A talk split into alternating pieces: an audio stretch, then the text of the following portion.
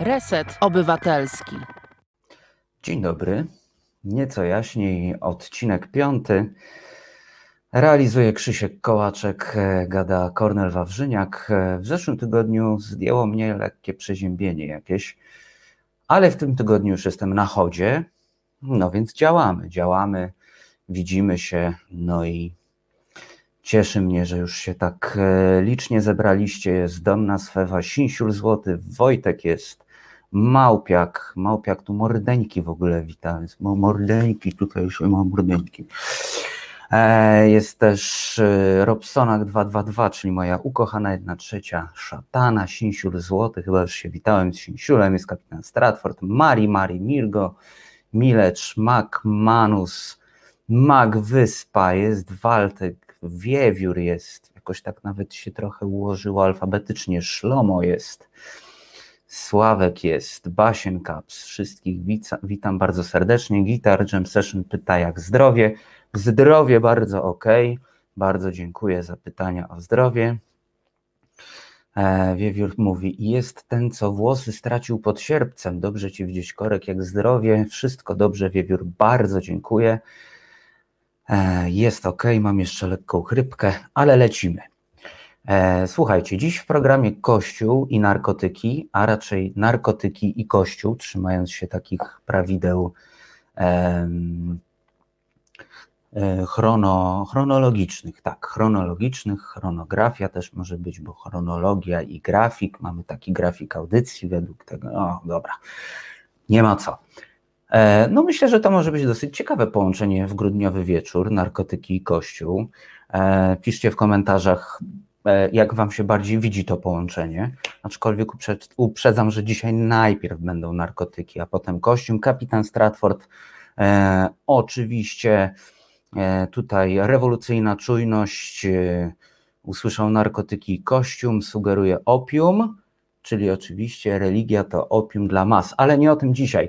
Najpierw porozmawiamy o decyzji ONZ w sprawie marihuany.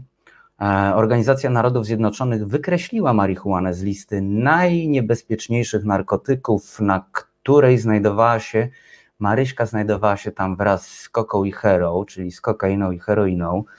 E, to daje teraz to przesunięcie marihuany e, z tej grupy najbardziej niebezpiecznych używek, daje taką no ja widzę taką możliwość pewnego szerszego wykorzystania marihuany, chociażby w medycynie, czy ogólnie w badaniach e, naukowych. E, naszym gościem będzie Adam Stasiak, prawnik związany z Polską Siecią Polityki Narkotykowej.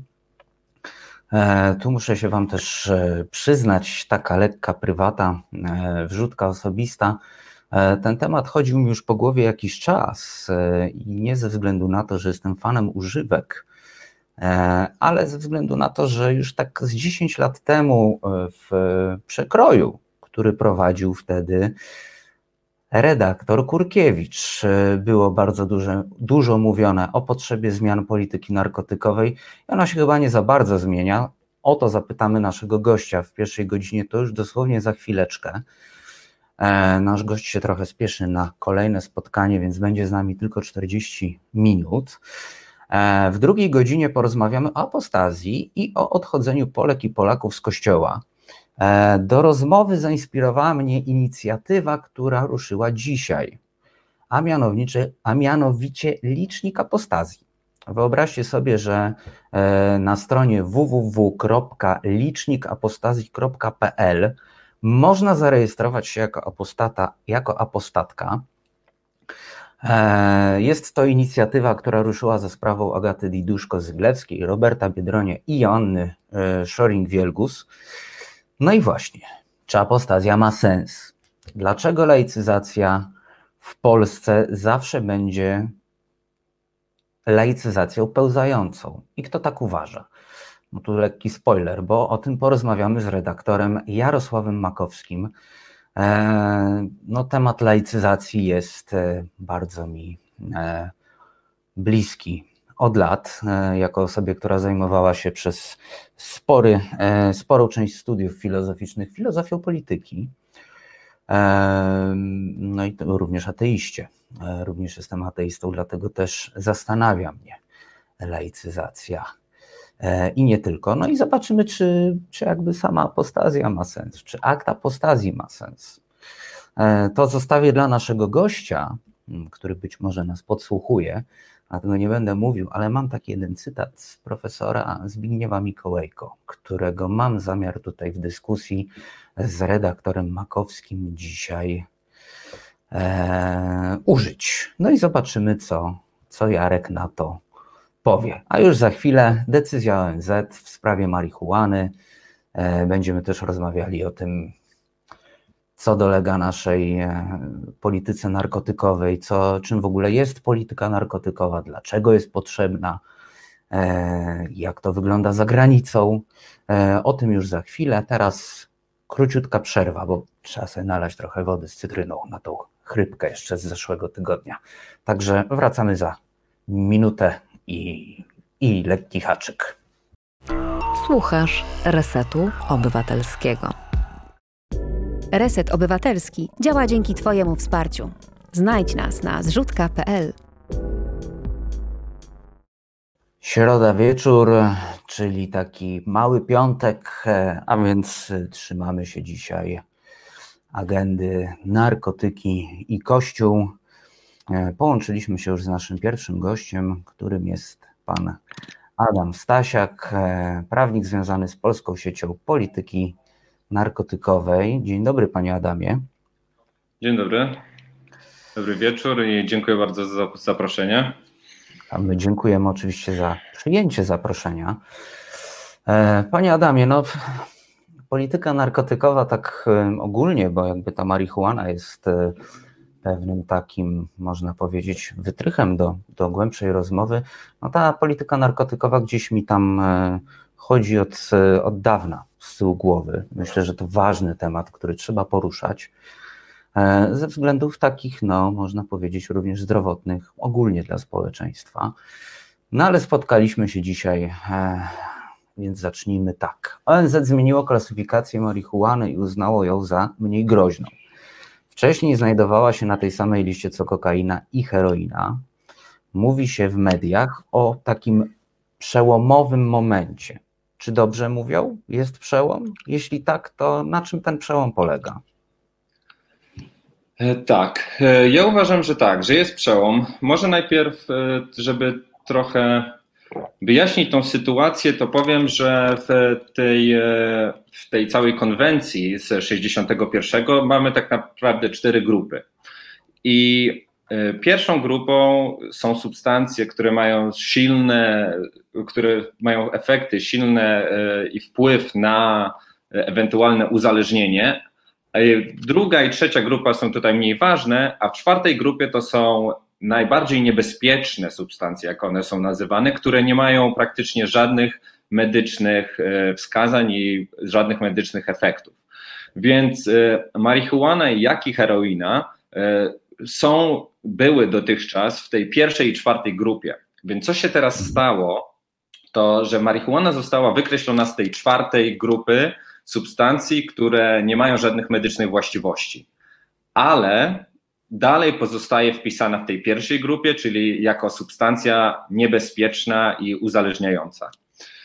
I jednej, pomimo tego uważam, że jest to bardzo ważny ruch, z którym my, jako fundacja, ale też wielu, wielu różnych organizacji na, na świecie i osób walczyło, ponieważ w momencie, gdy została właśnie wykreślona z tej czwartej grupy, jest to niejako przyznanie, i to, o to też e, walczyło WHO, przyznanie, że medy, marihuana ma medyczne właściwości. A co za tym idzie, odblokowuje to, to o czym Pan wcześniej wspominał, e, odblokuje na pewno wiele środków, inicjatyw, jeżeli chodzi o badania i politykę. I nie można powiedzieć, że dla nas, obywateli, to jedno wykreślenie ma jakąś znaczącą teraz wpływ i że coś się od razu zmieni, ale taka, taki ten akt, ta, ta umowa międzynarodowa jest czymś, y, na co i kraje, i organizacje, i biznes, co jest w tym y, jakby wypadku bardzo ważne, bardzo obserwuje i patrzy. Więc jeżeli wykreśliliśmy to z tego, to tak naprawdę daliśmy takie zielone światło, bo te badania oczywiście się toczą. Niektórzy już robią przecież ogromne pieniądze na tym i no nie ukrywam, że, że moim zdaniem to właśnie dzięki biznesowi e, te zmiany się pojawiły i były możliwe. Czyli można powiedzieć, że marihuana trochę odkryła taką jaśniejszą stronę kapitalizmu, że tak zażartuję. Tak, ja, ja powiem szczerze, że kiedy dowiedziałem się, że Malboro inwestuje w medyczną marihuanę, to powiedziałem, że już niedługo może nie będę musiał pracować albo zmienię pracę, bo ich lobbyści na pewno będą dużo bardziej efektywniejsi ode mnie i od moich kolegów. Więc y, jest, coś w tym jest. No, Malboro ostatnio inwestowało w te elektroniczne papierosy. E, to może niedługo będzie w ogóle elektroniczna marihuana. No, zobaczymy. Ale rzeczywiście, lobby to oni potrafią lobbować. To nie jeden film o tym był. E, panie Adamie, jest Pan z polskiej sieci narkotykowej, z polskiej e, sieci polityki narkotykowej. Ale czym mhm. jest ta polityka narkotykowa? Ogólnie rzecz biorąc, jest to biorąc, e, patrząc e, ze strony państwa, na przykład, jest to podejście państwa do tematu substancji psychoaktywnych i psychotropowych, czyli to, w jaki sposób państwo radzi sobie z tym, że ludzie używali, używają i prawdopodobnie będą używać substancji. Ale tak naprawdę to, co rzadko e, się pojawia i często umyka, to jest polityka narkotykowa jest bardzo związana po prostu z, z przemysłem farmaceutycznym. Więc oczywiście polityka narkotykowa to również e, opium, ale to, to również morfina. Więc e, to jest bardzo szeroki temat, ale najczęściej obejmuje takie zagadnienia jak jak podchodzimy do tego, czyli czy wybieramy sankcje karne i uważamy, że narkotyki powinny być e, zakazane, czy uważamy, że powinno się karać za ich posiadanie, czy ich nawet używanie, albo czy uważamy, że powinniśmy kłaść nacisk na rozwiązania związane z służbą zdrowia, zdrowiem publicznym i iść bardziej w stronę terapeutyczną i, i po prostu kłaść nacisk na rozwój w tę stronę. No, jeżeli myślę, że większość oglądających y, wie, że no, Polska jest y, po tej stronie, która wybrała sankcje karne, co jest bardzo ciekawe, bo w 2000 roku tak naprawdę dwa w jakiś sposób podobne państwa, y, mocno katolickie, Portugalia i Polska, poszły właśnie w, w dwie różne strony. Portugalia zdecydowała się na depenalizację, a Polska na penalizację posiadania substancji. I właśnie do tej Portugalii chciałem dzisiaj w naszej rozmowie nawiązać.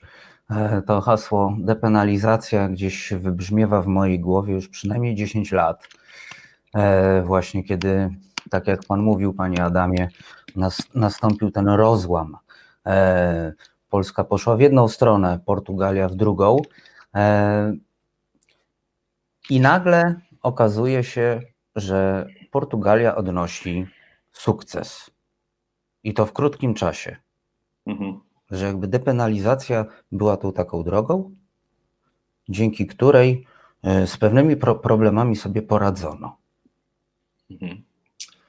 Tak, to prawda. E, by, Powiem, e, że byłem, byłem w Portugalii, ponieważ e, wszyscy prawie, wszyscy, którzy zajmują się e, polityką narkotykową, mają wycieczkę do Portugalii i odwiedzają ich agencje, żeby nawet przynajmniej przyjrzeć się temu fenomenowi. I tamtejszy dyrektor, który był architektem tego rozwiązania, powiedział mi, że to było dzięki możliwe po prostu, to, to był też moment. To, by, to było to, że większość Portugalczyków znało kogoś, kto był uzależniony od heroiny bardzo dużo osób, szczególnie żołnierzy, wracało właśnie, nie mogło się odnaleźć, był problem z gospodarką, w związku z tym też to uzależnienie od heroiny rosło, no i, i w społeczeństwie, no a wiadomo, że jeżeli chodzi o heroinę i iniekcyjnych użytkowników, no może często to się skończyć e, bardzo, bardzo źle.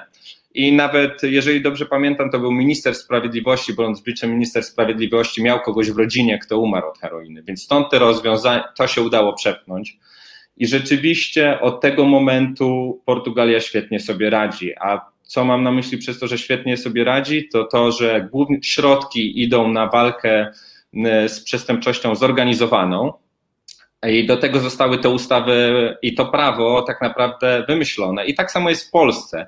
E, kiedyś, kiedy wprowadzono było prawo w 2000 roku, nikt nie, nie mówił, czy czytałem liczne analizy sejmowe, że będziemy karać użytkowników. E, policja wnioskowała o te zmiany dlatego, że nie mogła sobie poradzić e, z dealerami uważała, że to będzie lepsze rozwiązanie.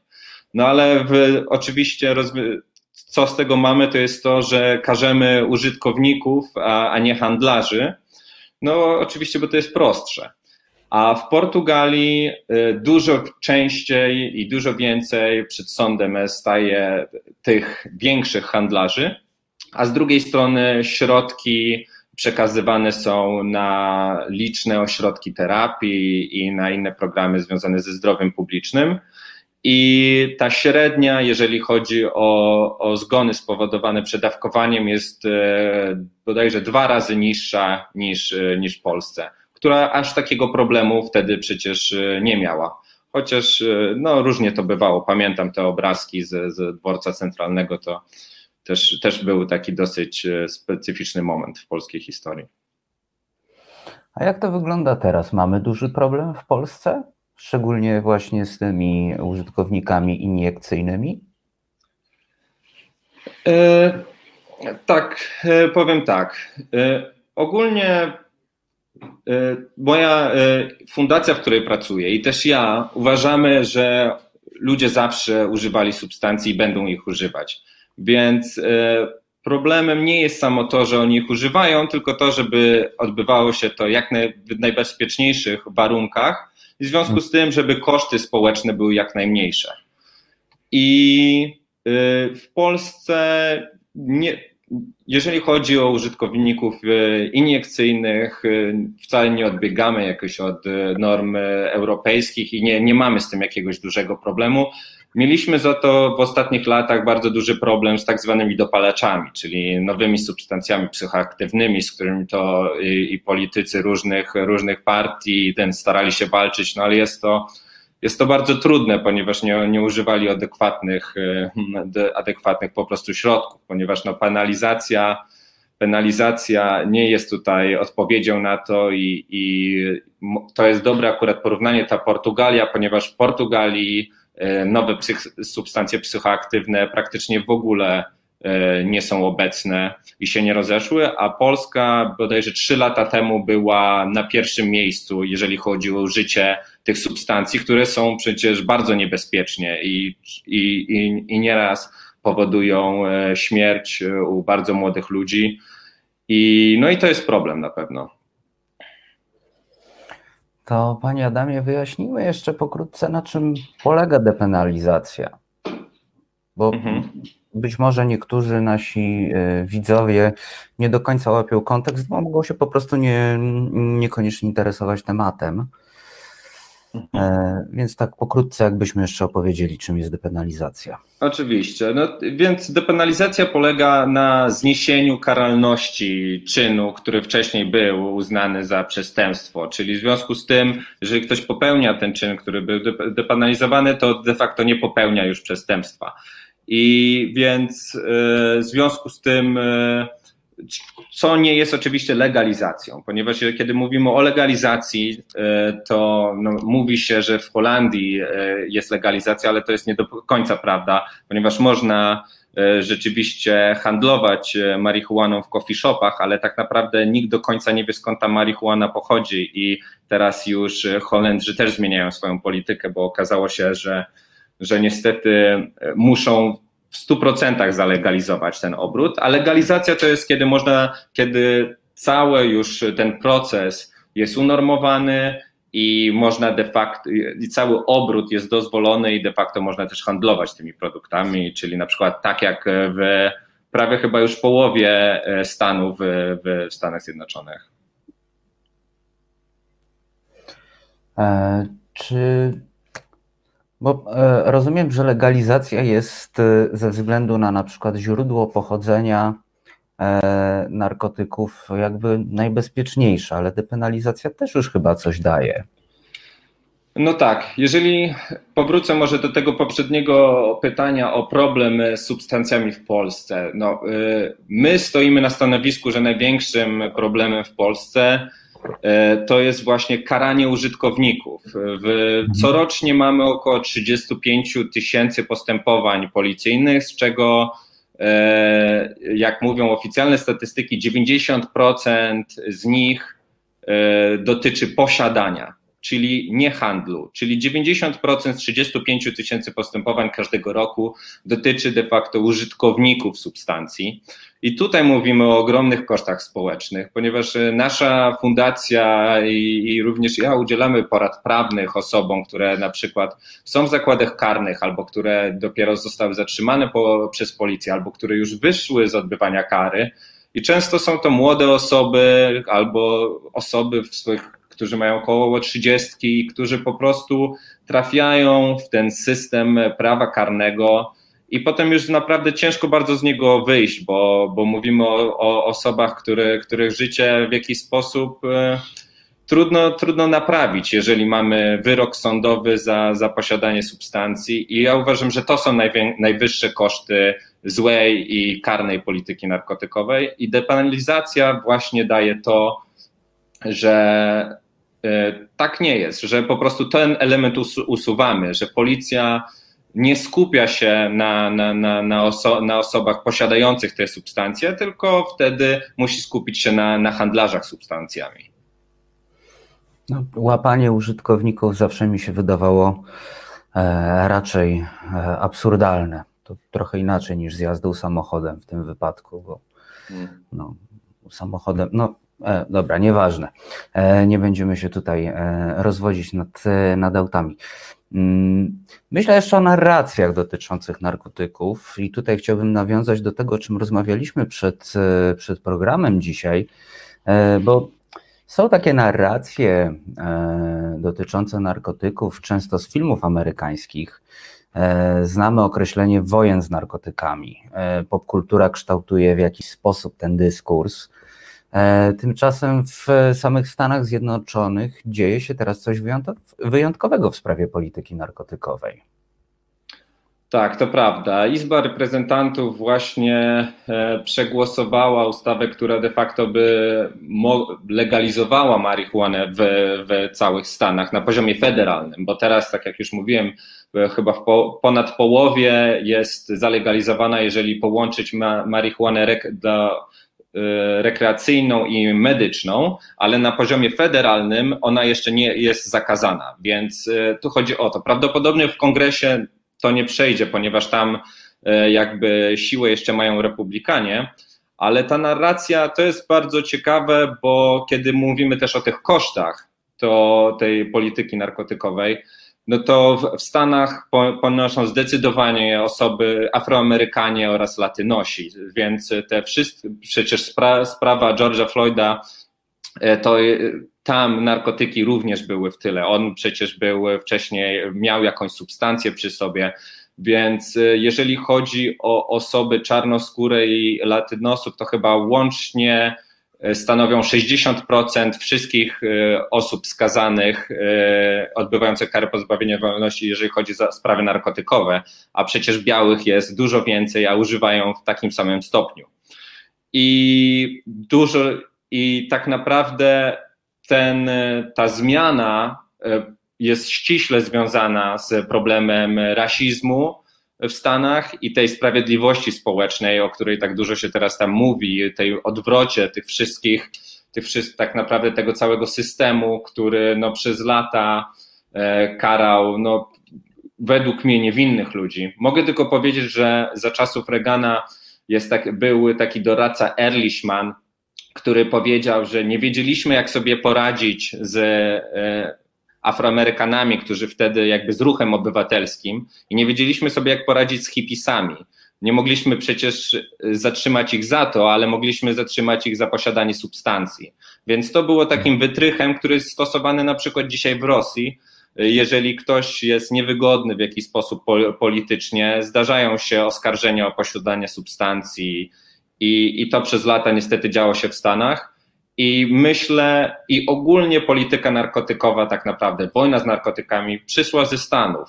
Oczywiście Hollywood, to o czym Pan wspomina, miał w tym znaczny udział. A i powiem, że z jednej strony to było związane właśnie z kwestiami rasowymi, a z drugiej strony, e, jak się czyta te dzienniki, informacje z taką jednak purytańską tamtą wizją świata i, i wiarą, że naprawdę narkotyki to zło. E, ten, e, jest taka świetna książka Ścigając krzyk, bardzo polecam. W każdym razie tam opowiada, opowiadają właśnie, są wywiady z różnymi ludźmi e, z polityki narkotykowej na świecie i jak Stany jeździły w latach tych 60., 70. po świecie i namawiały do zakazywania posiadania substancji i, i po prostu tej zmiany polityki narkotykowej, a i stawiały ultimatum. Jeżeli się na to nie zgodzicie, no to koniec z wymianą handlową na tych samych zasadach, która jest teraz. Więc to było dla nich e, bardzo istotne i, i to, że teraz Stany są tak naprawdę, jest tych państw, które, które to wszystko wywraca do góry nogami, jest bardzo ciekawe. No dobrze. E, zobaczymy, jak to się rozwinie. A może republikanie też lubią, że tak e, powiem kolokwialnie, popalać. Mnie też zawsze fascynowało, to taka prywatna uwaga e, na boku, zawsze mnie fascynowało, jak, jak nikt nie ma kłopotów z nikotyną, która jest strasznie uzależniająca. Tak, tak. Ja, no, ja, nie mogę, ja nie mogę rzucić nikotyny 13, 13 rok. Tak. No tak, mówi się często o tych porównaniach, jakby osoby, które, które też e, i, I, ja często tego porównania używałem, jeżeli chodzi o, o koszty społeczne, tak? jeżeli chodzi o, o, nikotynę, czy też nawet alkohol. Tak? No w Polsce, jeżeli chodzi o koszty społeczne alkoholu, no są one bardzo wysokie w porównaniu do, do marihuany. No i ciężko tutaj mówić, no, jakby statystyki dotyczące przemocy w rodzinie, czy jeżeli chodzi o spowodowanie śmierci podczas prowadzenia jazdy, no są, to jest, to jest coś okropnego. No ale, ale niestety tak to wygląda, więc e, świat to jest jedna wielka polityka, muszę, muszę przyznać, polityka narkotykowa i ta rezolucja, która została, e, która przeszła w ONZ, przeszła 27 do 25 głosów.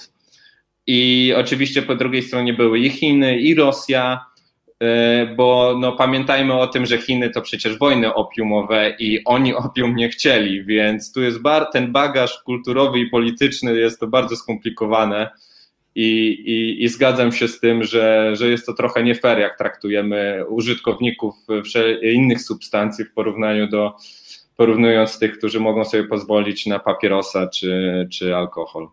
Właśnie patrząc na, na skutki, na, na wymiar no to mam wrażenie, że marihuana e, albo powinna być tak legalna jak papierosy, albo papierosy powinny być tak nielegalne jak marihuana. E, panie. Powiem tylko, tylko przepraszam, bo że prohibicja, jak wiemy też, że ze Stanów to jest, to jest ciężki temat. Tak, tak. tak. E, a jak to, jak to wygląda w Europie w ogóle z tą polityką narkotykową? Bo mówiliśmy Polska, Portugalia, ale na pewno jeszcze mamy sąsiednie kraje e, europejskie. Na razie jeszcze jesteśmy w Unii, jutro, jutro weto albo nie, zobaczymy e, i zobaczymy, co z tego wyniknie.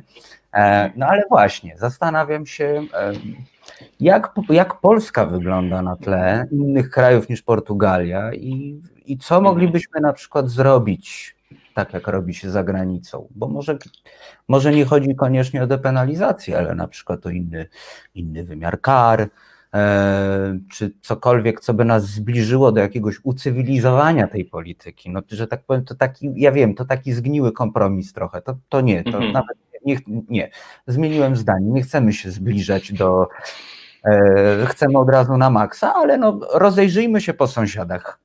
Jasne. Co, co warto e... odkraść? Jasne.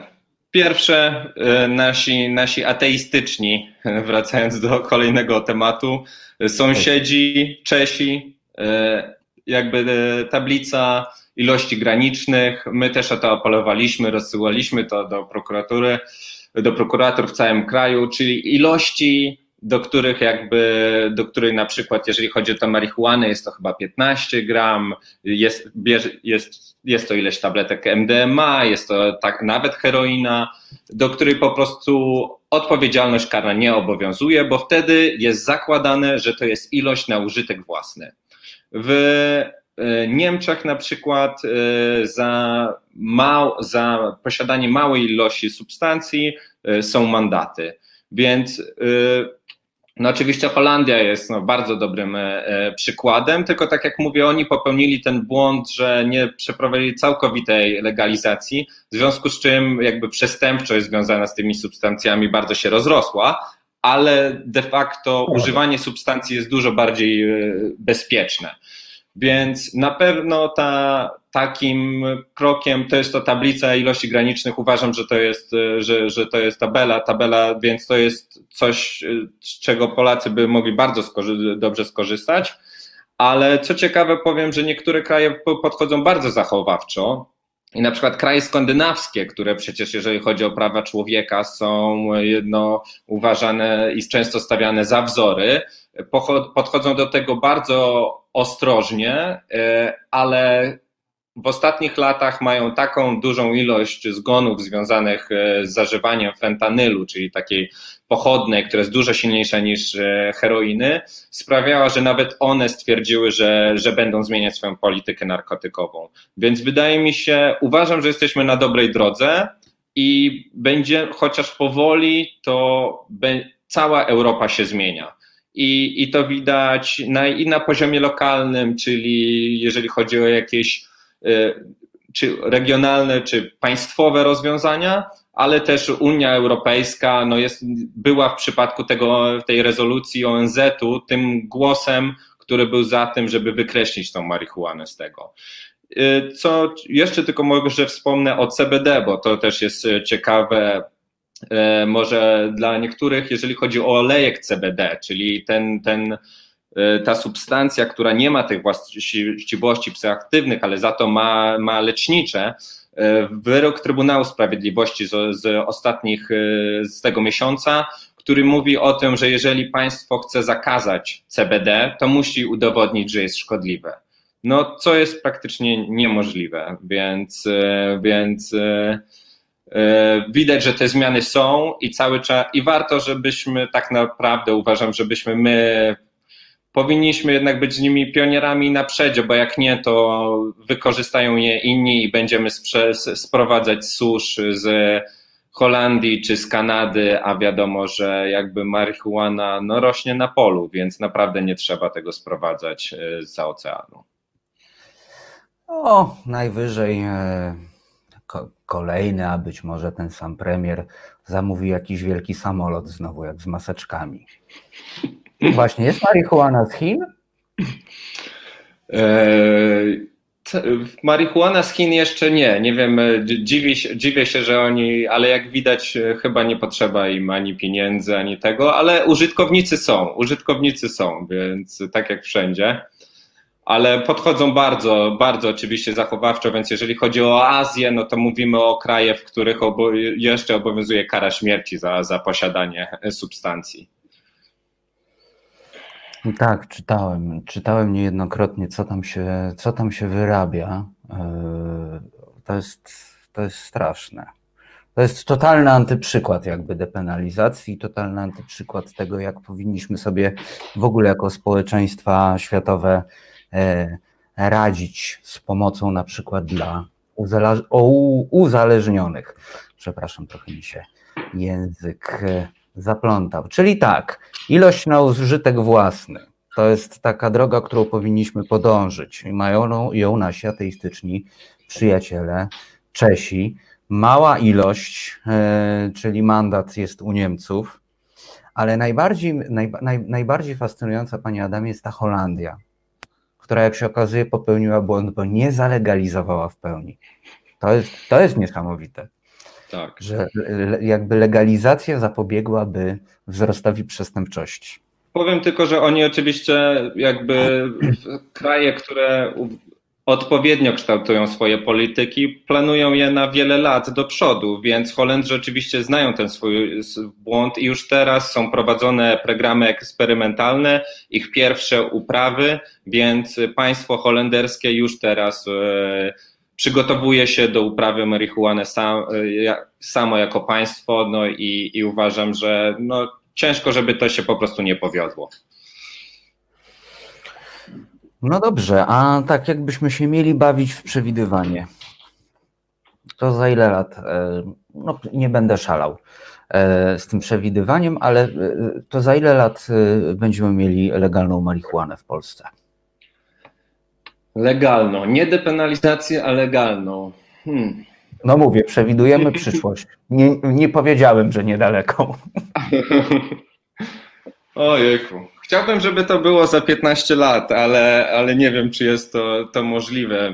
Tak jak mówię. Jako specjalista, y, to, to jest, chciałbym, czyli to jest bardzo optymistyczna wersja w sferze marzeń. To jest, ba, to, tak, tak, tak, tak, tak, tak, oczywiście. Okay. I tak jak mówię, znów to jest coś, czego się nie spodziewałem na swojej ścieżce zawodowej, ale naprawdę biznes ma na to duży wpływ. I nie wiedziałem, że nie, nigdy nie myślałem, że będę wdzięczny za coś e, e, kapitalistom w jakimś sensie, ale w tym wypadku no muszę powiedzieć, że, że po prostu to tak jak na przykład marihuana w Polsce i medyczna marihuana, to właśnie biznes sprawia, że politycy się tym interesują i że jest to e, traktowane jako coś poważnego i profesjonalnego, dlatego że stoją za tym duże pieniądze.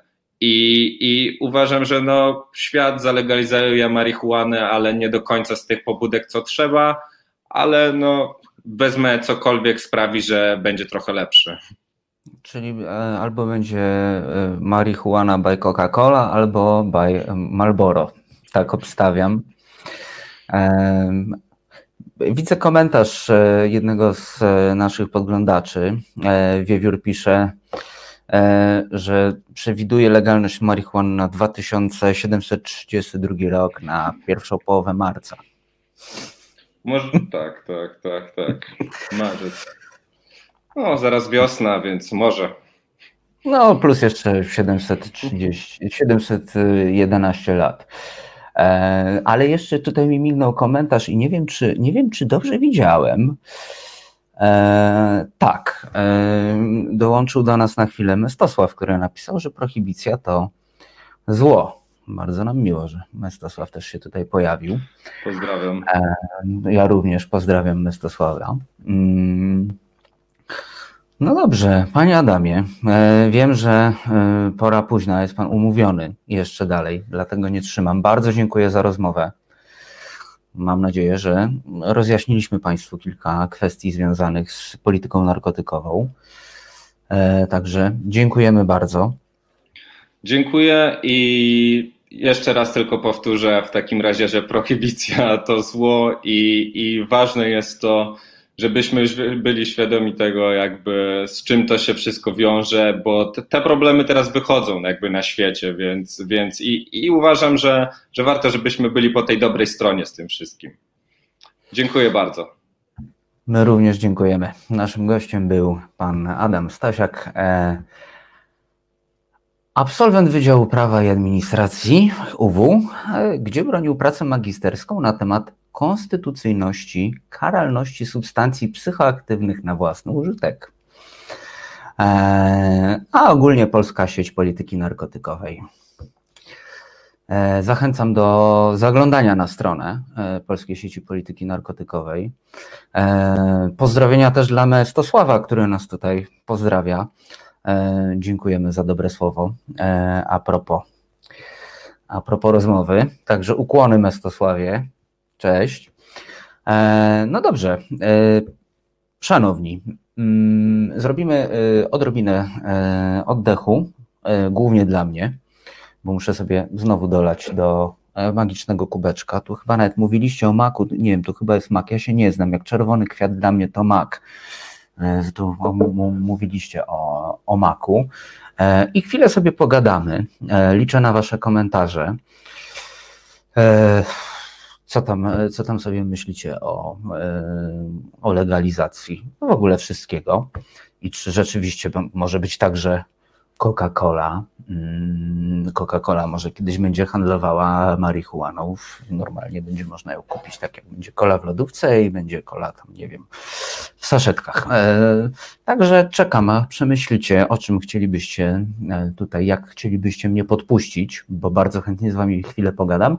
A o 20 już usłyszymy się z redaktorem Jarosławem Makowskim, no bo były narkotyki, a teraz będzie kościół, a raczej za no, niecałe 20 minut. A teraz Krzysiek nam coś zapuści, zobaczymy, czy będzie to muzyka, czy diesel, ale chyba muzyka. Słuchasz Resetu Obywatelskiego. Znudzeni mainstreamowymi newsami? Czas na Reset Obywatelski. Zaangażowane dziennikarstwo. No i jesteśmy z powrotem. Woda z cytryną dolana. Mnie to się zawsze myli, gdzie ta kamera mnie łapie, ale to mniejsza. Taki jestem dzisiaj trochę. Trochę jestem e, pogubiony z lekka. W jakichś swoich e, myślach również. E, Robsonak pisze, chyba że Brown Sugar. To jest odwołanie do jakiegoś komentarza, oczywiście, ale muszę się Wam przyznać, że jakiś czas myślałem, oczywiście bardzo dawno temu, kiedy pierwszy raz usłyszałem piosenkę Stonesów. Pewnie już część z Was się śmieje. Tak, myślałem, że chodzi o e, palony cukier, czyli karmel. Hmm. Potem okazało się, że chodzi jednak o coś e, zupełnie innego. To może trochę ogłoszeń e, parafialnych. Odpalę sobie Facebooka i Wam trochę poopowiadam, co się w resecie dzieje. Na przykład jutro, oczywiście, wojna jest cały czas, ale jutro to jest wojna z Martą e, Woźniak. Marta szykuje dla Was e, program i na pewno, jak zwykle, będzie piorunujący. A, śmieszna analogia, nie? Żenujące żarty prowadzącego są zawsze w cenie. Jeszcze powiem Wam, że no, kiedyś na pewno to jeszcze będzie ten reset, to to będzie telewizja. I wtedy żenujące żarty prowadzących będą już na porządku dziennym, będą musiały być. Takie są wymogi rynku. A jak ustaliliśmy w e, rozmowie z naszym e, gościem, czyli Adamem Stasiakiem z Polskiej Sieci Polityki Narkotykowej, z którym rozmawialiśmy przed chwilą, kapitalizm, jak się okazuje, ma też jasne strony. No i właśnie, pisaliście też o e, Coca-Coli, bo zasugerowałem, że może Coca-Cola będzie sprzedawała marihuanę w Polsce w tym 2732 roku. E, no i kapitan Stratford napisał najpierw e, March Cola, później March Cola. E, tutaj jest dywis wstawiony. No właśnie, ale myślicie, że wtedy jak będzie March Cola, mm, to zmienią etykietę na zieloną, bo teraz jest zielona kola, ona jest, znaczy zielone jest opakowanie, ona jest słodzona stewią. Właśnie, bo tutaj też pojawił się komentarz e, e, od Was, że e, no właśnie, jaki się pojawił komentarz, bo mi uciekł, że cukier jest najbardziej uzależniający. No właśnie, cuk cukru się nie, nie, o właśnie, kapitan Stratford tutaj nas nie zawodzi. To on pisał o cukrze. Cukier to najbardziej uzależniający narkotyk. No właśnie, jakie macie przemyślenia z tym związane? E, czy tak jest? Trudno jest Wam nie słodzić. Mnie jest bardzo trudno nie słodzić, bardzo trudno nie jest mi po prostu nie zjeść czegoś słodkiego w ciągu dnia. I to, to chyba rzeczywiście jest jakoś tak, że no wiemy, Stratford, że to Twoje. No już pokazaliśmy, że Twoje, już mówiłem, że Twoje. Kapitan Stratford pisze, że od dawna zwalcza cukier. E, a jak zwalczasz cukier? E, bo niektórzy na przykład piją, e, e, czekajcie, nie tą, nie pokrzywę, morwę, o, morwa na zbicie cukru jest podobno. Tu na pewno się doktor Sinsiul zaraz włączy, a propos picia ziółek, taką mam nadzieję, że trochę tutaj nas zabawisz, Sinsiul. No i tak, czwartek to jest wojna, 19-21, a od 21 nasza nowość na kanale, czyli Kto pyta, ten rządzi za Liną Czyżewską. W piątek 19.21 niezastąpiony Radek Gruca, nasz Radża w programie Katarzis. E, jak wiecie, e, Radek, e, Radek jako dziennikarz śledczy zmaga się z wieloma rzeczami, również z internetem. Zobaczymy, jak tam będzie ten legendarny internet Uradży jutro działał, ale brygada do zadań specjalnych była u Radka jakiś czas temu i, i chyba jest lepiej, prawda? Mm, Jerzy pisze, ja lubię papierosy, kawa, piwko i seks. E, no właśnie, seks też może być narkotykiem. E, w sobotę 19.21 tydzień zleciał boom, czyli Celiński and Krzyżaniak. Niedziela to między 19 a 21 rozmowy na koniec tygodnia z Marcinem Celińskim.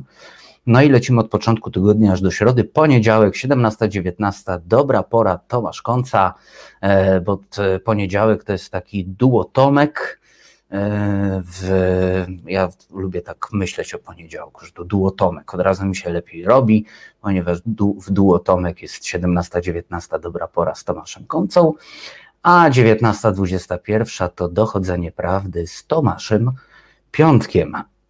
We wtorki 17-19 Maszketnik Marta Woźniak, 19-21 na wspak z Konradem Szołajskim.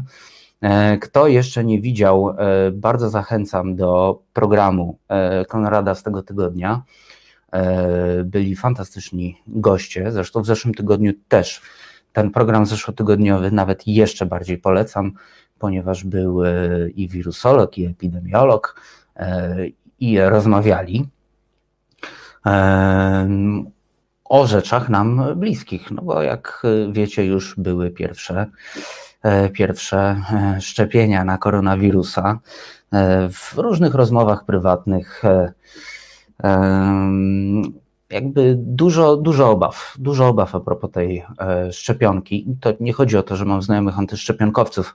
Normalnie, racjonalnie myślący ludzie po prostu zastanawiają się, czy ten bardzo krótki okres, w którym te szczepionki przetestowano, wprowadzono, czy to, jest, e, czy to jest dobry znak? Nawet ktoś ostatnio mówił, że no jakby są dwie opcje. Nie wiem, czy widziałem to w jakimś komentarzu od Was e, pod którąś z audycji, czy ktoś tak e, skomentował i gdzieś to zasłyszałem, ale no samo wprowadzenie szczepionki tak wcześnie jest niepokojące z jednego względu. Nie takiego medycznego, nie takiego o jakim zapewne większość z Was myśli, ale jeśli wprowadzono tak szybko szczepionkę, która okaże się rzeczywiście skuteczna, to mamy dwie opcje. Albo została wprowadzona za wcześnie i nas oszukują, e, albo okazuje się, że to 8-9 lat na zrobienie szczepionki to było oszustwo. Więc tu się ważył, tu się ważył ciekawe rzeczy. A może to w ogóle teoria spiskowa? Może ani to, ani to nie jest prawdą, może po prostu się udało. Ja mam jednak takie obawy, że, że się nie udało. E, Marek Jurkiewicz pisze, szczepionki od handlarza bronią na pewno będą e, bezpieczne. E, też słyszałem ostatnio taki komentarz, tak moje myśli gdzieś się zboczyły na te szczepionki przez program Konrada. No tak, szczepionki od handlarza będą bezpieczne. Niestety mogą się też okazać szczepionkami widmo, ale słyszałem też taki komentarz od jednego z redaktorów ostatnio, e, że jak, że może być jeszcze tak, że nagle się może okazać, że na przykład strzykawek na szczepionki zabraknie. To by był dopiero e, absurd. No i nagle się okaże, że gdzieś mamy e, rezerwę strzykawek takich szklanych, wiecie, z lat, nie wiem, 50., 60., e, no i zapewne się okaże, że one już są. Wiecie gdzie?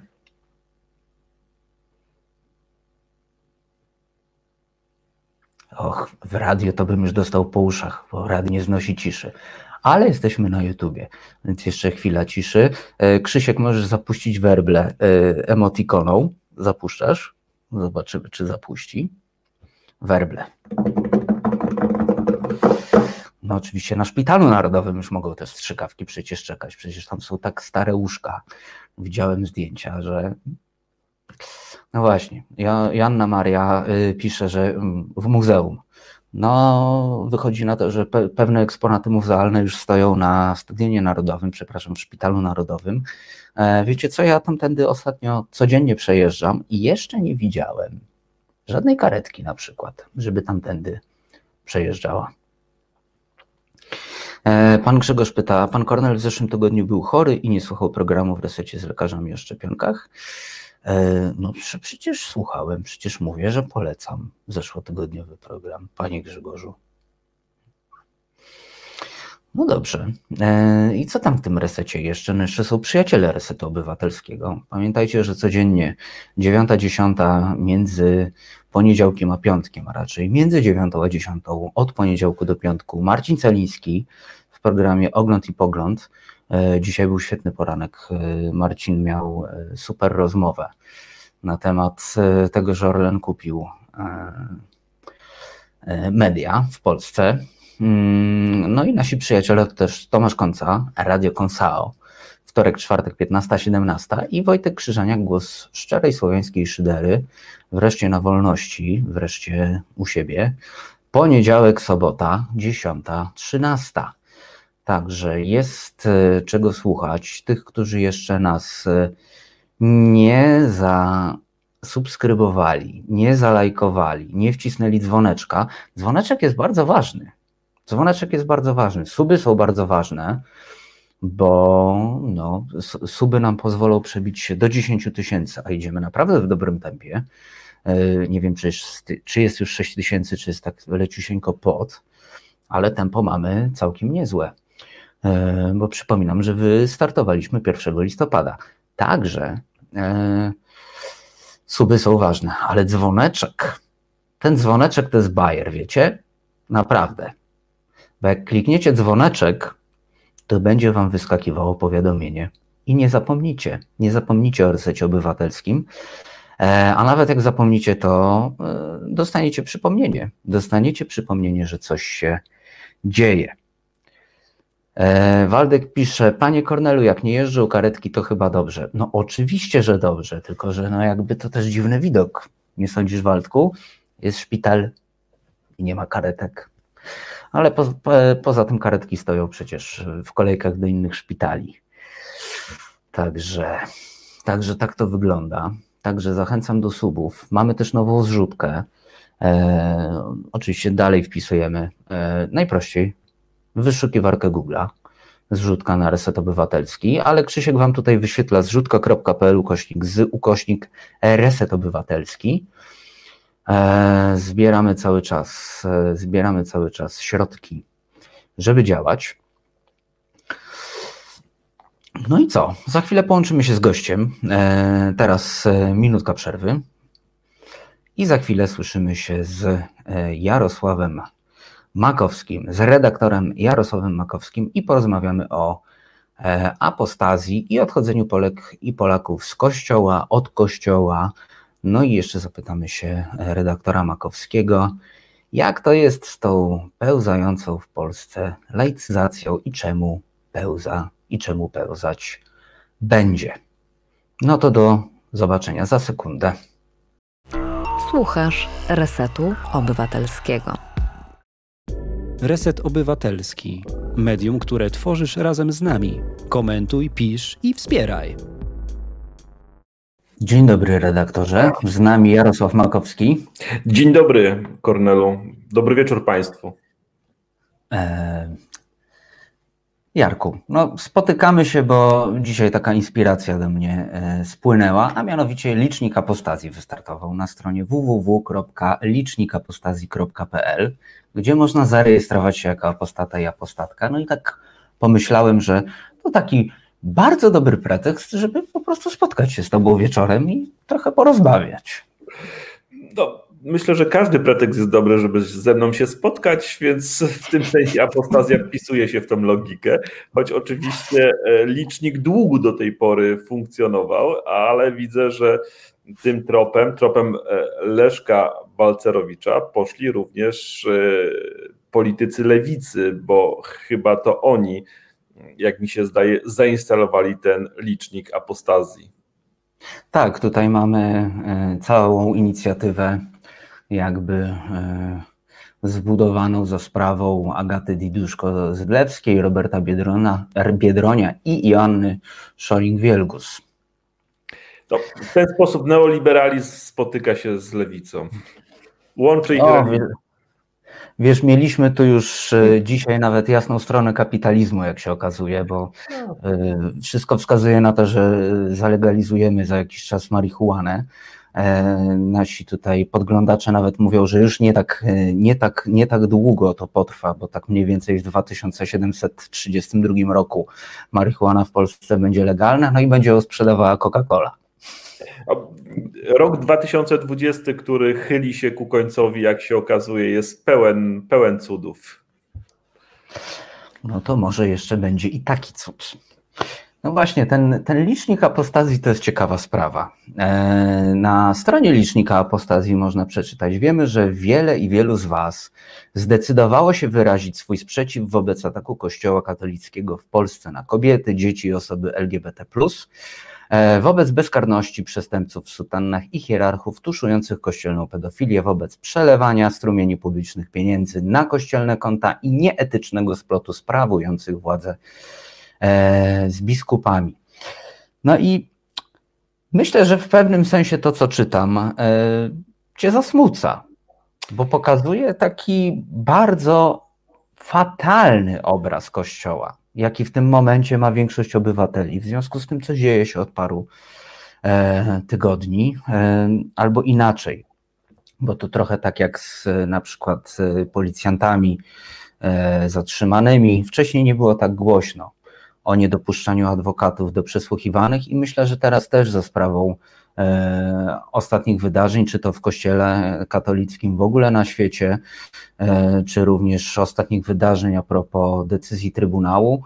E, no, Kościół po prostu PR-owo no nie ma się dobrze.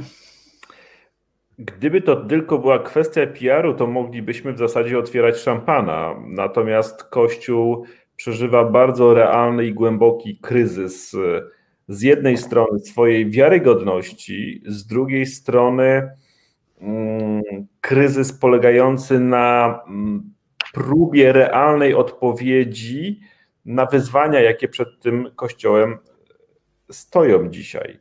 I zacznijmy od kryzysu wiarygodności. On jest głównie oczywiście wywołany przez brak reakcji, odpowiedniej reakcji na skandale seksualne, i przede wszystkim wykorzystywanie dzieci przez e, księży, przez drapieżników seksualnych.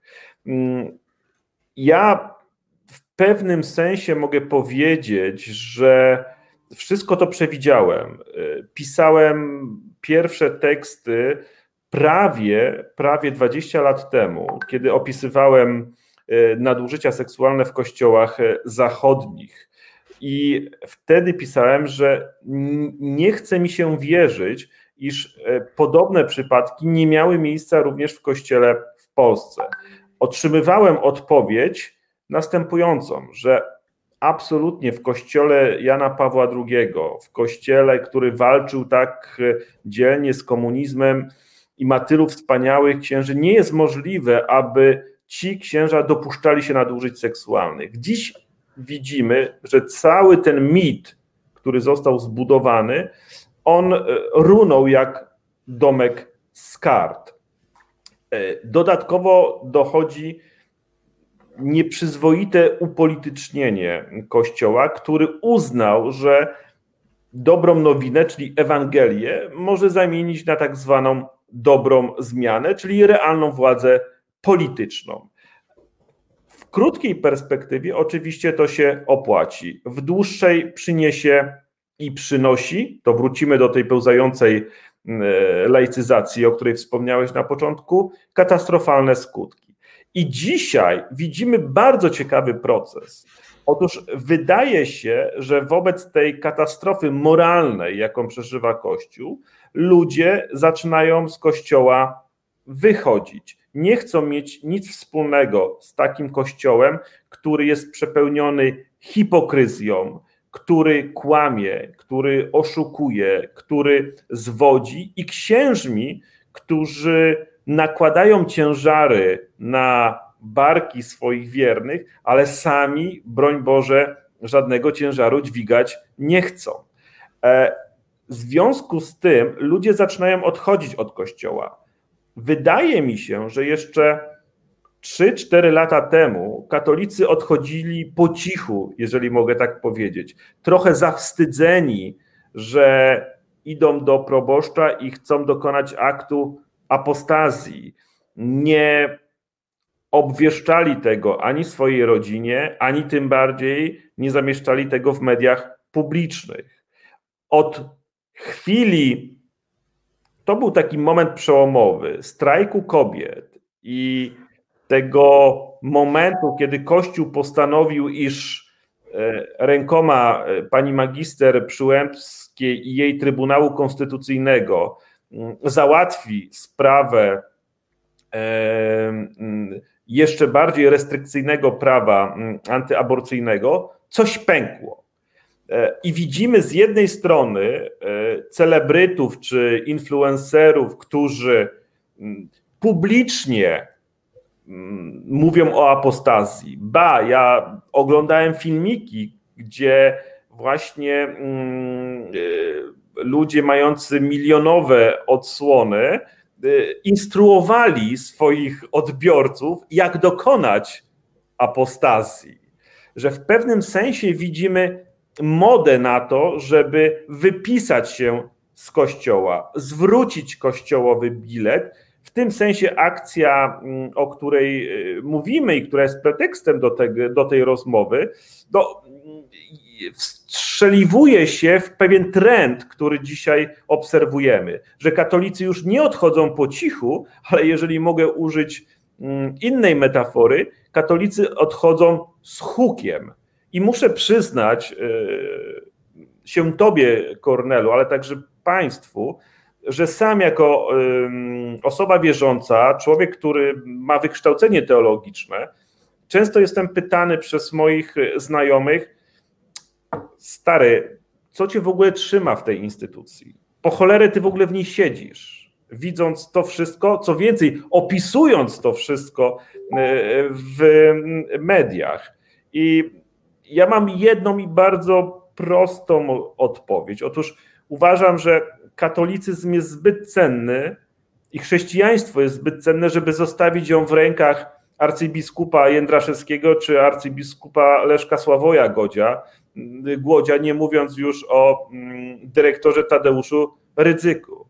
Dlatego e, nie odejdę z kościoła, raczej będę się chciał bić, żeby ten kościół ocalił to, co ma cennego, czyli po prostu Ewangelię. Czyli można powiedzieć, że e, tutaj wykazujesz taką postawę heroiczną, bo też jesteś w instytucji, e, którą no, reprezentuje właśnie Rydzyk Jędraszewski w tym e, głównym medialnym nurcie w tym momencie. Wiesz co, nie wiem, czy to jest heroizm w pewnym sensie przez długi czas mm, przez tych, którzy w kościele mieli władzę, a niewątpliwie w hierarchowie, e, których tu nazwiska padły, czy dyrektor e, finansowy Imperium Medialno-Edukacyjnego z Torunia, to są ludzie, którzy mają ogromną władzę i e, jestem absolutnie pionkiem i przez długi czas moja działalność, także publicystyczna czy mm, pisarska, była postrzegana jako mm, element krytykujący Kościół i de facto osłabiający jego siłę. Natomiast y, mm, uważam, że to, co oni robią z chrześcijaństwem, jest nieprzyzwoite. To jest rodzaj takiego bałwochwalstwa i spolityzowanej religii, która mm, obraża Pana Boga. I w tym sensie Bóg jest bezbronny, gdy dostaje się w pazury ludzi, którzy dla celów krótkotrwałych, politycznych e, i władzy są w stanie obrócić czy przerobić go na cep, którym okładają swoich przeciwników, czy też ludzi, którzy nie podzielają ich e, przekonań, bo wierzą w innego Boga, bo mają inny kolor e, skóry, bo są osobami LGBT. No, to nie jest chrześcijaństwo, to jest parodia chrześcijaństwa, którą oni reprezentują. E, natomiast e, mi zależy na tym, choć oczywiście też nie mam monopolu, żeby bronić tego chrześcijaństwa, które znajdujemy na kartach Ewangelii, które oscyluje czy mm, e, koncentruje się wokół takich pojęć jak miłosierdzie, jak troska, jak współczucie, jak przebaczenie. To jest prawdziwy obraz, jak mnie mam chrześcijańskiej wiary. I chrześcijanin woli niemoc niż przemoc. W tym sensie otwiera, czy też poszerza pole wolności, nawet jeżeli ludzie popełniają błędy, bo któż z nas nie popełnia? Oczywiście ojciec Rydzyk ostatnio mówił, że pokusę mają biskupi, mają księża, no i ulegają, więc czemu się dziwimy, prawda? Ale innym owych słabości odmawia. Innych, kiedy owym słabościom ulegają, chętnie, chętnie podpaliłby jakiś, e, jakiś kocioł z ogniem, żeby tam ich, że tak powiem, trzymając się tej metaforyki, trochę podpiec i wyrzucić z nich owe grzeszne pragnienia i dążenia. Wiesz, Jarku, bo e, tak słucham tego, co mówisz, i e, myślę sobie jeszcze mm, o tym, co mnie chodzi po głowie. I tak jak Cię słucham, to odnoszę wrażenie, że też e, mój pomysł, który przyszedł mi do głowy jakiś czas temu, e, gdzieś w tym wszystkim, co Ty mówisz, wybrzmiewa, bo tak jak Cię słucham, to mam wrażenie, że ten kościół to nie jest Ci tak do końca potrzebny. Jakby jesteś określony w wierze, w poglądach, w pewnej idei, z którą żyjesz, jakby na poziomie instytucjonalnym instytucji, która nie realizuje tych ideałów, a które powinna, no jesteś dowodem na to, że Kościół nie jest potrzebny, bo możesz być po prostu y, katolikiem. Po prostu. Tak, w pewnym sensie mogę powiedzieć, że jestem postkatolikiem, to znaczy instytucja jest E, rodzajem maszyny, która niszczy przesłanie. To przesłanie, które dostaje się w te tryby administracyjno-zarządcze, staje się parodią. I tutaj absolutnie się z Tobą mm, e, zgodzę. Z drugiej jednak strony, walka o tą instytucję jest ważna w tym sensie, że ta instytucja pełni wciąż bardzo ważną rolę społeczną i mhm. wciąż wpływa na postawy, poglądy bardzo dużej ilości osób. I y, mówiłeś, że możemy, jest już ta godzina, że możemy trochę pofilozofować sobie, więc ja chciałbym przywołać tutaj słowa niemieckiego filozofa, choć oczywiście to jest dość ryzykowne y, obecnie, szczególnie kiedy dyskutujemy y, o budżecie unijnym, który ponad Niemcy w, dużej, w dużym stopniu konstruują, a jak wiadomo, duża część prawicowych polityków krzyczy śmierć, śmierć albo, albo weto wobec tego budżetu, to niemniej Hegel powiedział następujące słowa, bo o nim mowa, o Heglu, że naród, który ma fałszywe pojęcie Boga, ma złe prawo złe rządy i złe państwo. Złe no prawo. Można powiedzieć, że się zgadza. Tak, złe rządy i złe prawo. Zgadza. Więc wszystko tutaj pasuje, prawda? Mimo, że to niemiecki filozof. Więc gdy, gdybyśmy teraz to odwrócili, to znaczy i powiedzieli w ten sposób, naród, który ma prawdziwe, autentyczne wyobrażenie Boga, może mieć dobre państwo, dobre rządy i dobre prawo. Więc w tym sensie ta koncepcja Boga, y, o którą tutaj się spieramy, być może przekłada się także na bardzo realne rzeczy, jakim jest nasze państwo, nasze prawo i nasze rządy. Dlatego, przyjmując stwierdzenie Hegla za dobrą monetę, bije się, jeżeli mogę tak powiedzieć, o to autentyczne, prawdziwe wyobrażenie Boga, Boga Abrahama, Izaaka i Jakuba, Boga, którego obraz znajdujemy właśnie na kartach Ewangelii. No dobra, to jak idziemy w filozofowanie i w Hegla e, i przyjmiemy za dobrą monetę e, to, co powiedział, to teraz jeszcze jedna rzecz. Hegel, filozof niemiecki. No i w Niemczech się wszystko zgadza, prawda? Tak. Ale Jarku, tam są sami protestanci. No, wiesz, oczywiście y, y, to nie jest ani teza odkrywcza, ani y, nowatorska, ale gdyby w Polsce udało się w jakiś sposób zaszczepić protestantyzm kilka wieków temu, to by nam to dobrze zrobiło. Oj, to powtarzam zawsze za Maxem Weberem, że tak. ta refleksja, którą mają e, protestanci, bo dużo wcześniej mieli kontakt e, z pismem w swoim języku i musieli się nad nim sami zastanawiać, a nie chodzić do kościoła, gdzie im ksiądz tłumaczył, który był od tego specjalistą, no to dzisiaj w Polsce byłaby niemiecka chemia. I to niemiecka chemia z Polski, że się tak taką już bardzo zawiłą metaforą posłużę.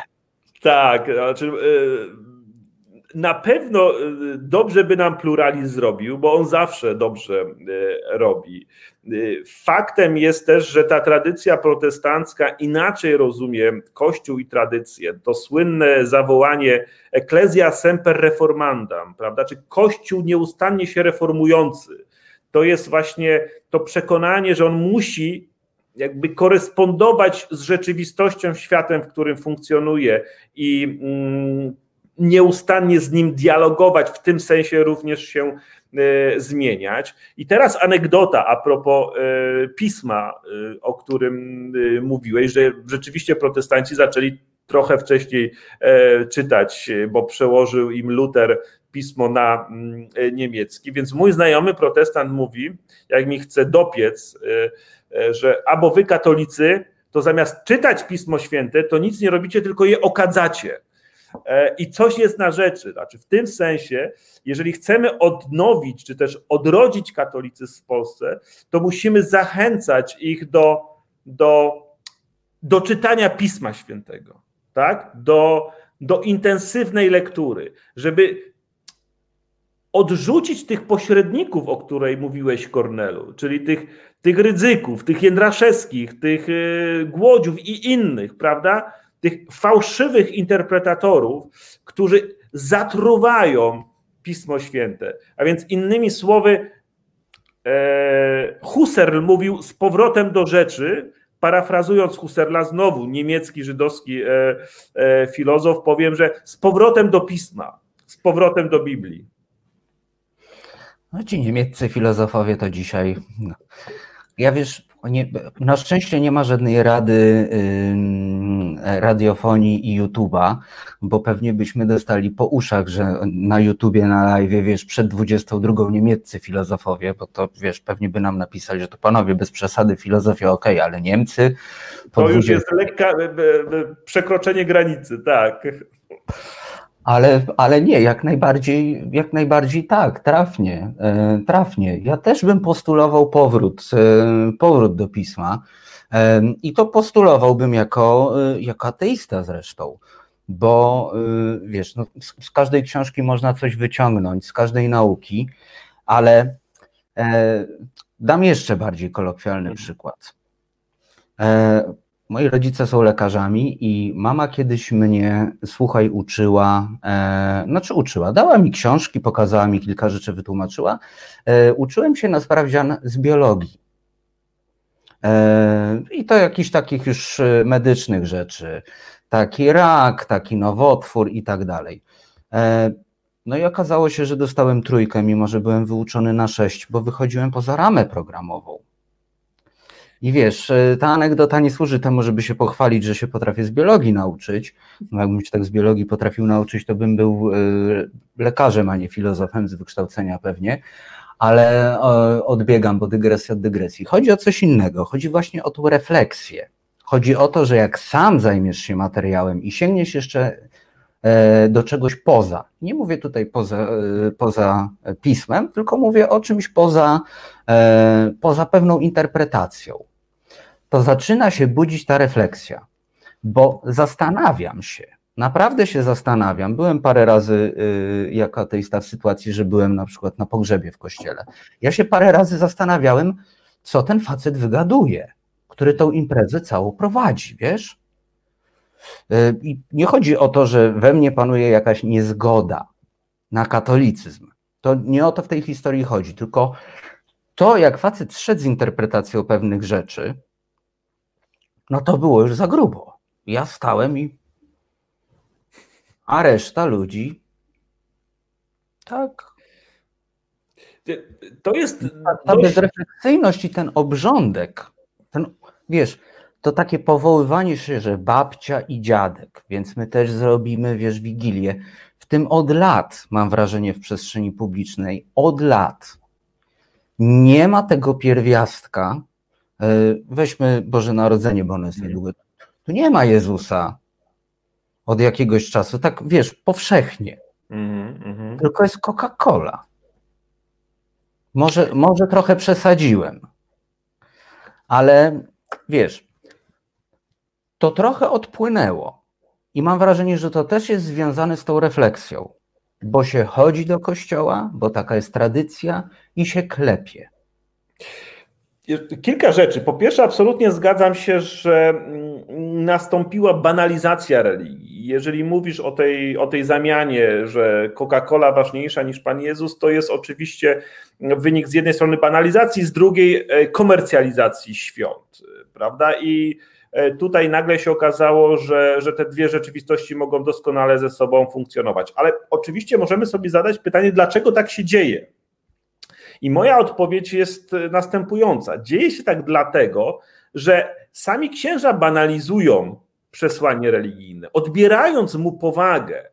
Moment, kiedy interpretator tekstu biblijnego banalizuje ten tekst, a z drugiej strony swoich słuchaczy traktuje jak, e, jak, e, jak e, żeby nikogo nie obrazić, ale jak, jak, jak no, małe dzieci, które nic nie rozumieją ze świata, to wtedy zaczyna pojawić się problem. No, po cholerę mi taka religia, która jest tak banalna, która sprowadza skomplikowany, trudny świat, która skomplikowane, trudne wybory moralne e, sprowadza do anegdot o drogowskazach przy drodze, prawda, no i tak dalej, to po co mi taka religia? Religia, która nic ważnego nie mówi o moim życiu, nie, nie problematyzuje go, nie, nie stara się e, e, nadać mu jakiegoś sensu i powagi przestaje mieć znaczenie. I w tym sensie czasami e, lubię czytać ateistów i słuchać ateistów, którzy mówią o religii i interpretują teksty biblijne, ponieważ oni je traktują dużo bardziej poważnie niż księża i niż osoby wierzące. Widząc no masz, właśnie element, masz właśnie ten element tej refleksji. Dokładnie. Bo ateista siada i mówi: OK, zobaczmy, co tu jest. I tutaj padł taki komentarz, czekaj, tylko przewinę, e, bo komentarze nam tutaj zasuwają niesamowicie. E, o właśnie, pani Anna Gryta pisze, kto chce, niech wraca, kto nie chce, czytać nie musi i nie powinno mu się tego pisma narzucać. Oczywiście, że nie, ale jakby patrząc nawet, nazwijmy to tak brzydko na chwilę, że dwie strony barykady, tak? To osoby po dwóch stronach barykady powinny znać swoje argumenty wzajemnie. Wiesz co, ale e, oczywiście to można też powiedzieć, że jeżeli ktoś nie chce czytać Dostojewskiego, to niech nie czyta. Tylko co to za życie, kiedy nie przeczyta zbrodni kary, tak? E, e, John Gray, który jest również brytyjskim filozofem i jest agnostykiem, on pochłania Pismo Święte. Nie dlatego, że widzi w tym natchnioną księgę, ale że widzi w tym ważny tekst, który jakby właśnie y, daje do myślenia, prawda? Daje do myślenia. My nie musimy traktować tego jako mm, czegoś, w co mamy od A do Z wierzyć, ale niewątpliwie to, co Jezus e, mówi, co znajduje się na kartach e, Biblii, księga Hioba, pieśń nad pieśniami, księga Kocheleta, są najważniejsze teksty naszej cywilizacji.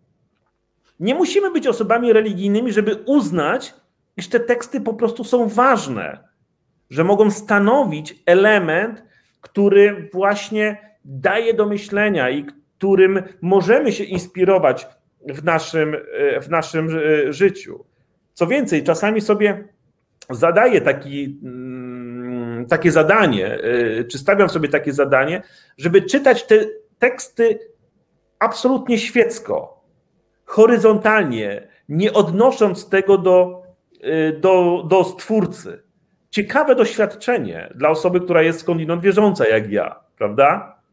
Ale na mhm. przykład, kiedy weźmiemy, y, teraz przeskoczymy y, z kolei do tych, co wynaleźli widelec wedle jednego z posłów prawicy, czyli Francuzów, prawda? Czy też uczyli nas jeść widelcem, czy też my ich. E, Emanuela mhm. Levinasa, tak? A jeżeli mhm. weźmiemy jego całość i nieskończoność, czy w ogóle całą filozofię innego i twarzy innego, no to tak nieustannie e, jest odwoływanie do pisma, do tekstów e, świętych, ale one są czytane właśnie jakby poza transcendencją, tak? Jakby tam nie ma Boga, natomiast cała filozofia, którą Lewinas wziął, wziął ze swojej tradycji, tradycji żydowskiej, tradycji doświadczenia właśnie mm, e, mm, e, e, tych, tych tekstów, które po prostu są intrygujące, ważne, które pomagają w krytycznym namyśle.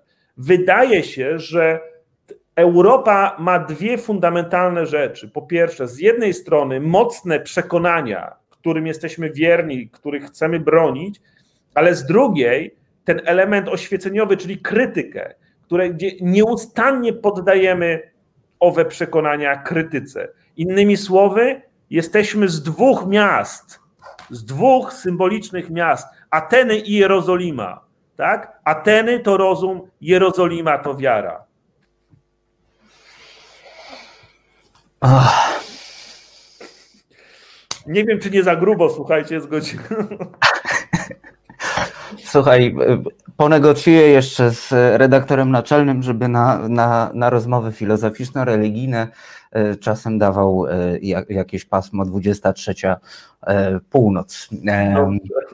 Albo, albo grubiej. Dwa miasta. No to żeś mnie nieźle zagiął. Ale dobrze, że przywołujemy temat Francji. Jest to państwo nad wyraz, można powiedzieć, zlaicyzowane, laickie.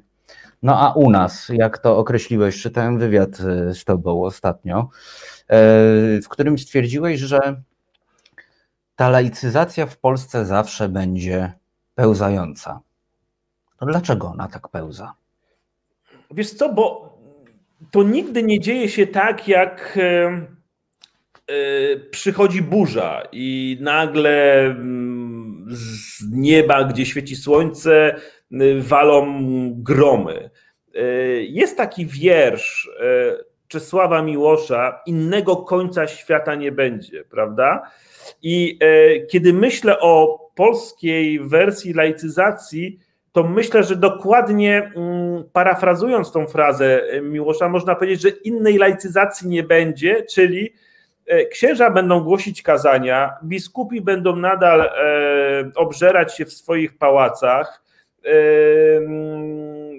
my będziemy prowadzić dzieci y, do szkoły, ty będziesz prowadził swój program, ale osób w kościele jakby coraz mniej.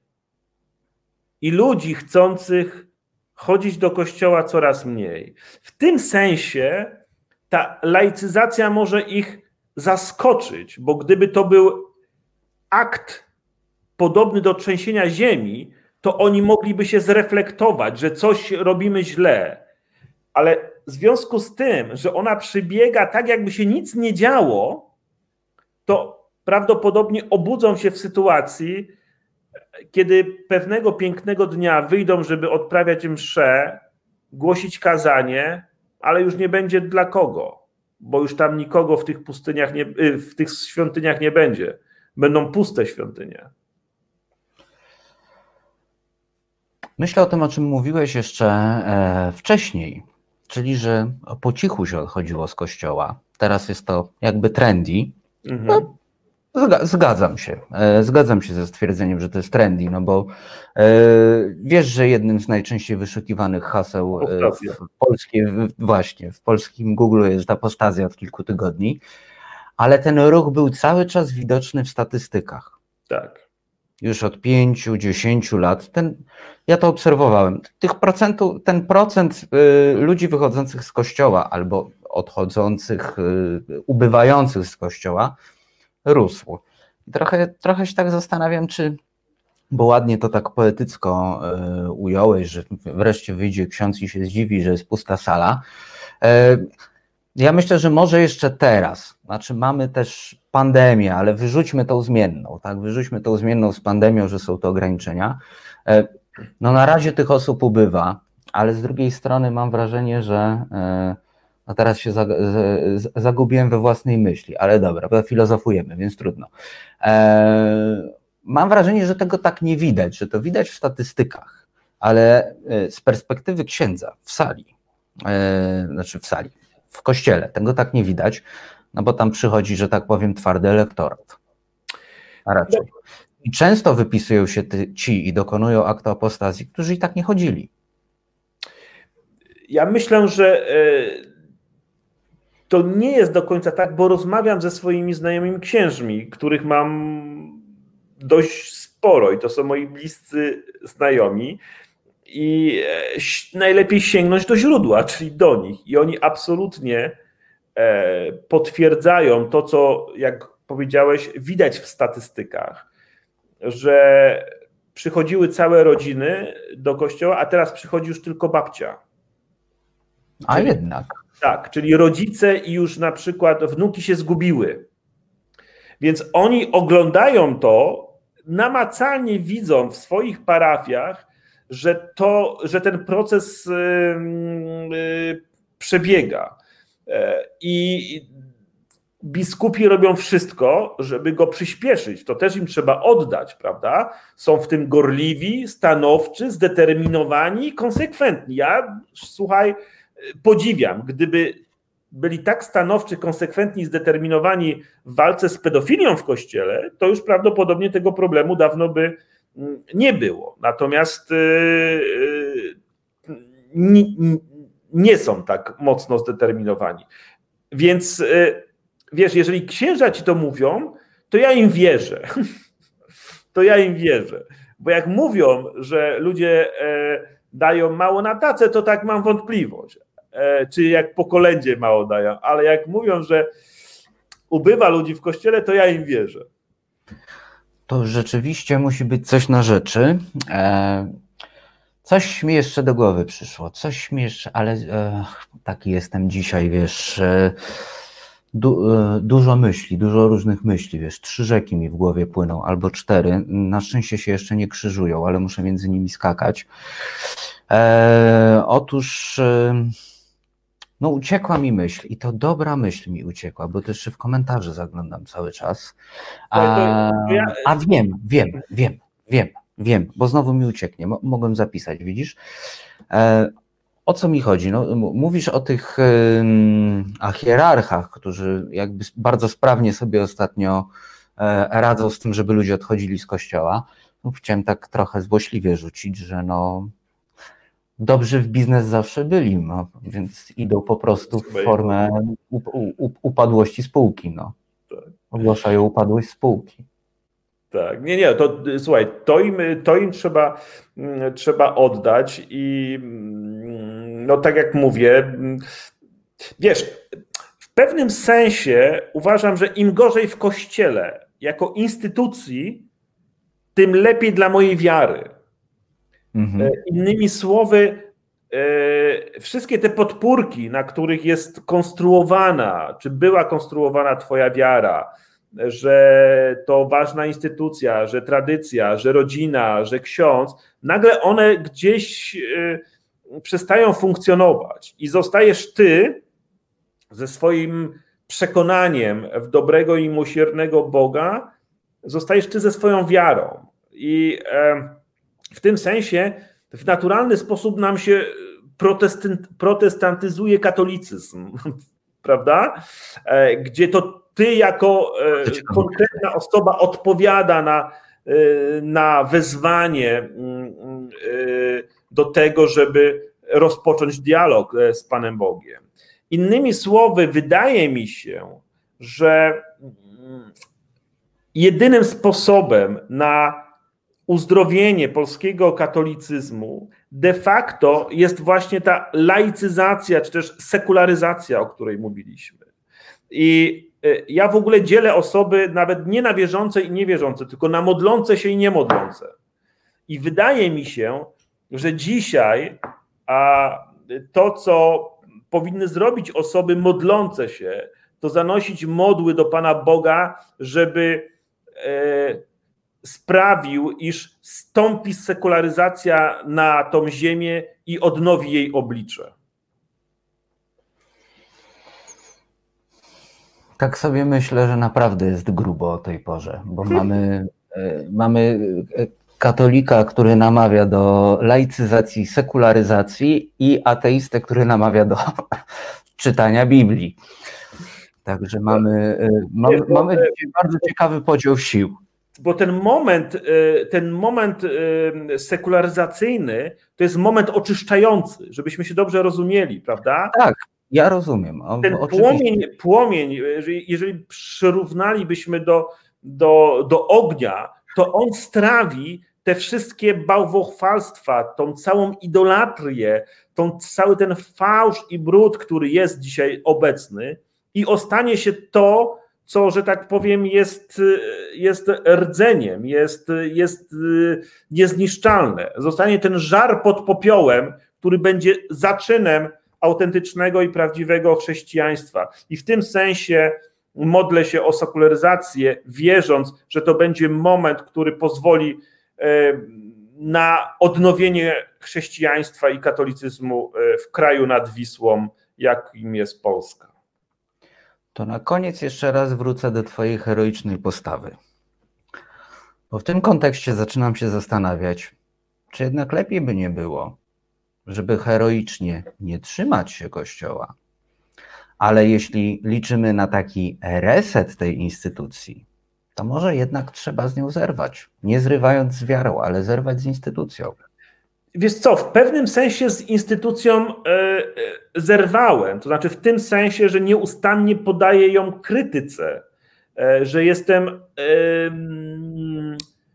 krytycznym obserwatorem i komentatorem życia kościelnego.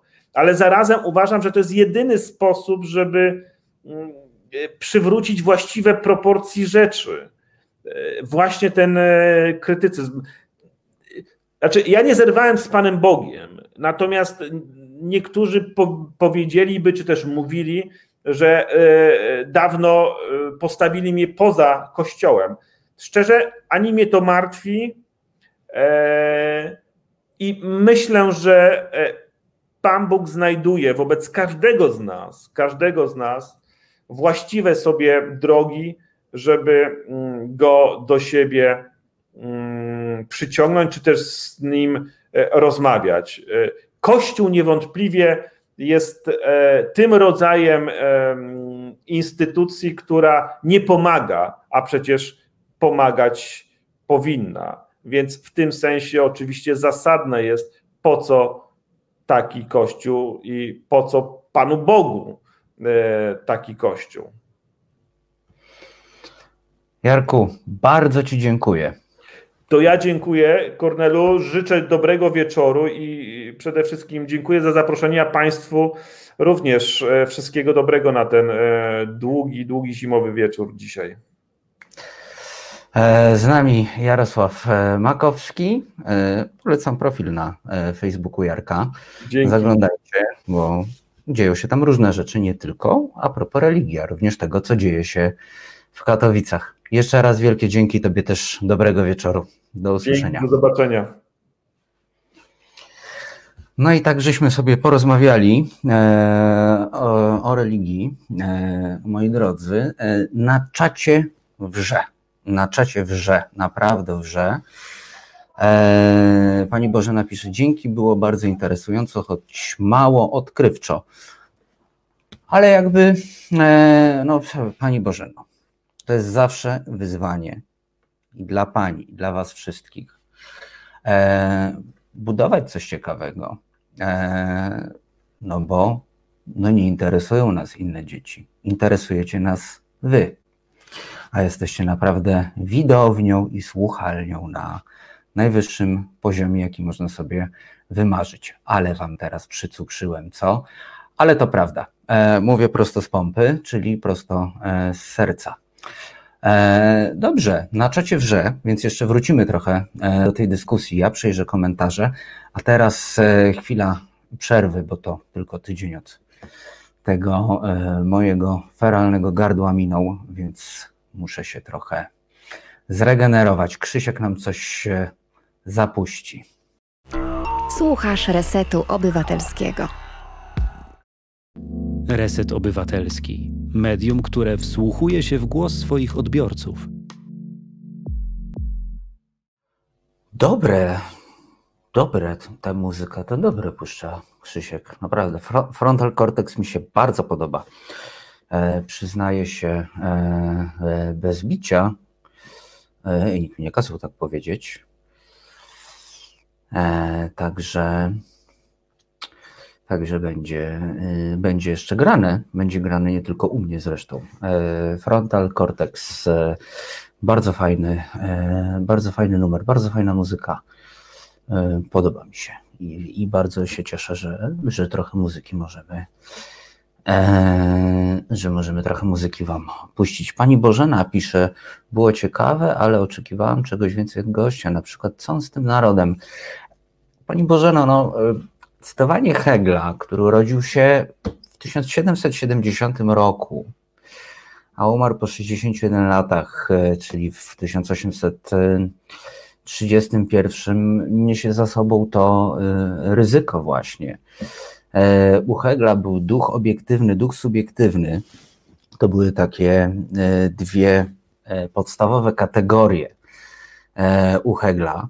Mm, I trzeba pamiętać o tym, że ten duch, duch subiektywny występował w trzech różnych formach. Jedną z nich był duch, drugą, drugą była świadomość, a trzecią duch odnoszący się do własnych określeń. To znaczy był duch wyłaniający się z przyrody i tak dalej. Ale właśnie, proszę zauważyć, E, że z jednej strony mamy właśnie Hegla, który mówi o duchu, a mówi właściwie o świadomości, potem ją dzieli i tak dalej. To jeszcze był taki czas, e, po prostu w filozofii, tak mówiąc najprościej historiozoficznie, gdzie no, posługiwano się takimi kategoriami. Freud też jeszcze coś o duszy gadał. Freud też jeszcze mówił o duszy. Więc y, nie, nie, powinno dziwić takie postawienie sprawy przez, y, przez Hegla y, i taki, i taki cytat. Ale trochę kij w mrowisko wsadziłem z tymi protestantami, co? No, mam nadzieję. E, no i dobra. Słuchajcie, także to, to by było tak z tym e, Heglem, e, z tym duchem subiektywnym i duchem obiektywnym. Nie będziemy się w to zagłębiać, bo naprawdę nie ma jeszcze 23 i zadzwoni do mnie potem szef Facebooka i powie, że mam płacić jakąś karę albo re reklamę utną czy coś, jakąś monetyzację ze względu na zbyt hardkorowe treści. E, Donna Swewa pisze, bardzo bym sobie chciała odpocząć od tego wszechobecnego katolicyzmu. Naprawdę. No, okres świąt y, jest ciężki pod tym względem, e, mam wrażenie. E, Sinsiul za to pisze, zbitka fałszywych pojęć dowolnie interpretowana. No cóż, Sinsiul, no. E, mogę na swoją obronę tylko zacytować kolejnego niemieckiego filozofa, mm, który mówi, który mówił, że nie ma faktów, są tylko interpretacje. Nietzsche. E, tak to właśnie jest. Dostaję tutaj sygnały z bazy e, na ekran, nie do słuchawki. E, dzisiaj Wojtka Szota posłuchacie z tak zwanej puszki. Mm, Wojtek musiał nagrać e, wywiad e, wczoraj ze względów technicznych, ale będzie online na czacie e, z wami i będzie, e, będzie z wami e, dyskutował na pewno. E, Pani Bożena jeszcze pisze, że e, tożsamość narodowa jest niepokojąca. No, ogólnie wszystko to, co zawiera w sobie słowo naród, określenie narodowe jest e, mocno niepokojące. E, No, taki, taki mamy klimat, no, cytując pewną klasyczkę. E, Taki mamy niestety klimat, że no, wypracowany zresztą bardzo, można powiedzieć, bardzo tak dokładnie, na przykład na marszach e, i, różnych innych instytucjach, że to taki wszystko co narodowe jest, e, jest jakoś tak zawłaszczone nie przez tych, nie przez tych co trzeba. I jak, jak słyszę, że coś jest narodowe, nawet, nawet stadion narodowy, jak słyszę albo przejeżdżam obok niego, to mam jakąś taką gęsią skórkę. Mam jakąś taką gęsią skórkę i myślę sobie, że, że to nie jest dobra nazwa, bo ona nie jest przyjemna. Nie chodzi o jakąś historię, e, że tyle powstań się nie udało. Chodzi, chodzi właśnie o to, czym ta narodowość się stała i kto ją zagrabił. Kto ją rozgrywa. Kto ją rozgrywa i kto ją w tym momencie ma największą moc interpretacji. I, I to nie jest fajne. To jest bardzo niefajne. No i przede wszystkim narodowe, no, no to no, narodowcy. No. To w ogóle było dosyć ciekawe, bo po rewolucji francuskiej, jak się e, przenosili e, e, chłopi do miast, mm, wtedy był taki wyraźny ruch w stronę mieszkania w miastach, to na roli, na roli były pewne zasady. Gęsina na świętego Marcina. Te powiedzenia się skądś wzięły. I one ustalały pewien taki byt, pewien przebieg roku dni, ustalały kalendarz, którego wtedy nie było. No i właśnie.